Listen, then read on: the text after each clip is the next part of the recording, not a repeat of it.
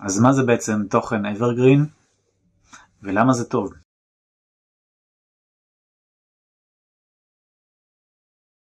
אז evergreen בתרגום פשוט זה ירוק עד, זה אומר בעצם דברים שהם מחזיקים לנצח או לתקופה מאוד ארוכה ובגישה שלי אני מאוד בעד לייצר תוכן שהוא כזה, תוכן evergreen, תוכן שהוא בעצם רלוונטי לכמה שיותר זמן בלי הצורך הזה לעדכן אותו כל הזמן וזה במסגרות הגבולות גזרה שהתחום הזה מאפשר כן? תחום ה-ICO תחום מאוד דינמי מלא שינויים. אז אני בעצם בתכנים שאני מייצר אני יותר נצמד לעקרונות שיטות דברים שהם כאלה תמיד נכונים וכנראה לא הולכים להשתנות ופחות לפיצ'יפקס ודברים ספציפיים וכאלה למרות שלפעמים אין ברירה להתייחס גם לזה. בוא נגיד ההפך מאתרי חדשות. תוכן שהוא כזה נורא כללי אבל יורד לפרטים. אז יש מקרים שבהם אין ברירה וחייבים גם לחזור אחור ולעדכן למשל סקירה של כלים דברים כאלה. אבל יש תכנים שהם אקטואליים מאוד והם לא צריך לעדכן אותם. למשל עדכונים של גוגל שזה נכון לחזור אחורה לפעמים ולראות מה היה באותו עדכון ואין שם מה לעדכן כי העדכון היה נכון לאותו רגע ומאז דברים השתנו. אבל אם מדברים על אה, אסטרטגיות וטיפים לאיך לכתוב איך לקדם אתרים רוב הסיכויים שהעקרונות שם וכל הדברים יהיו בגדול עדיין אה, נכונים ושם אני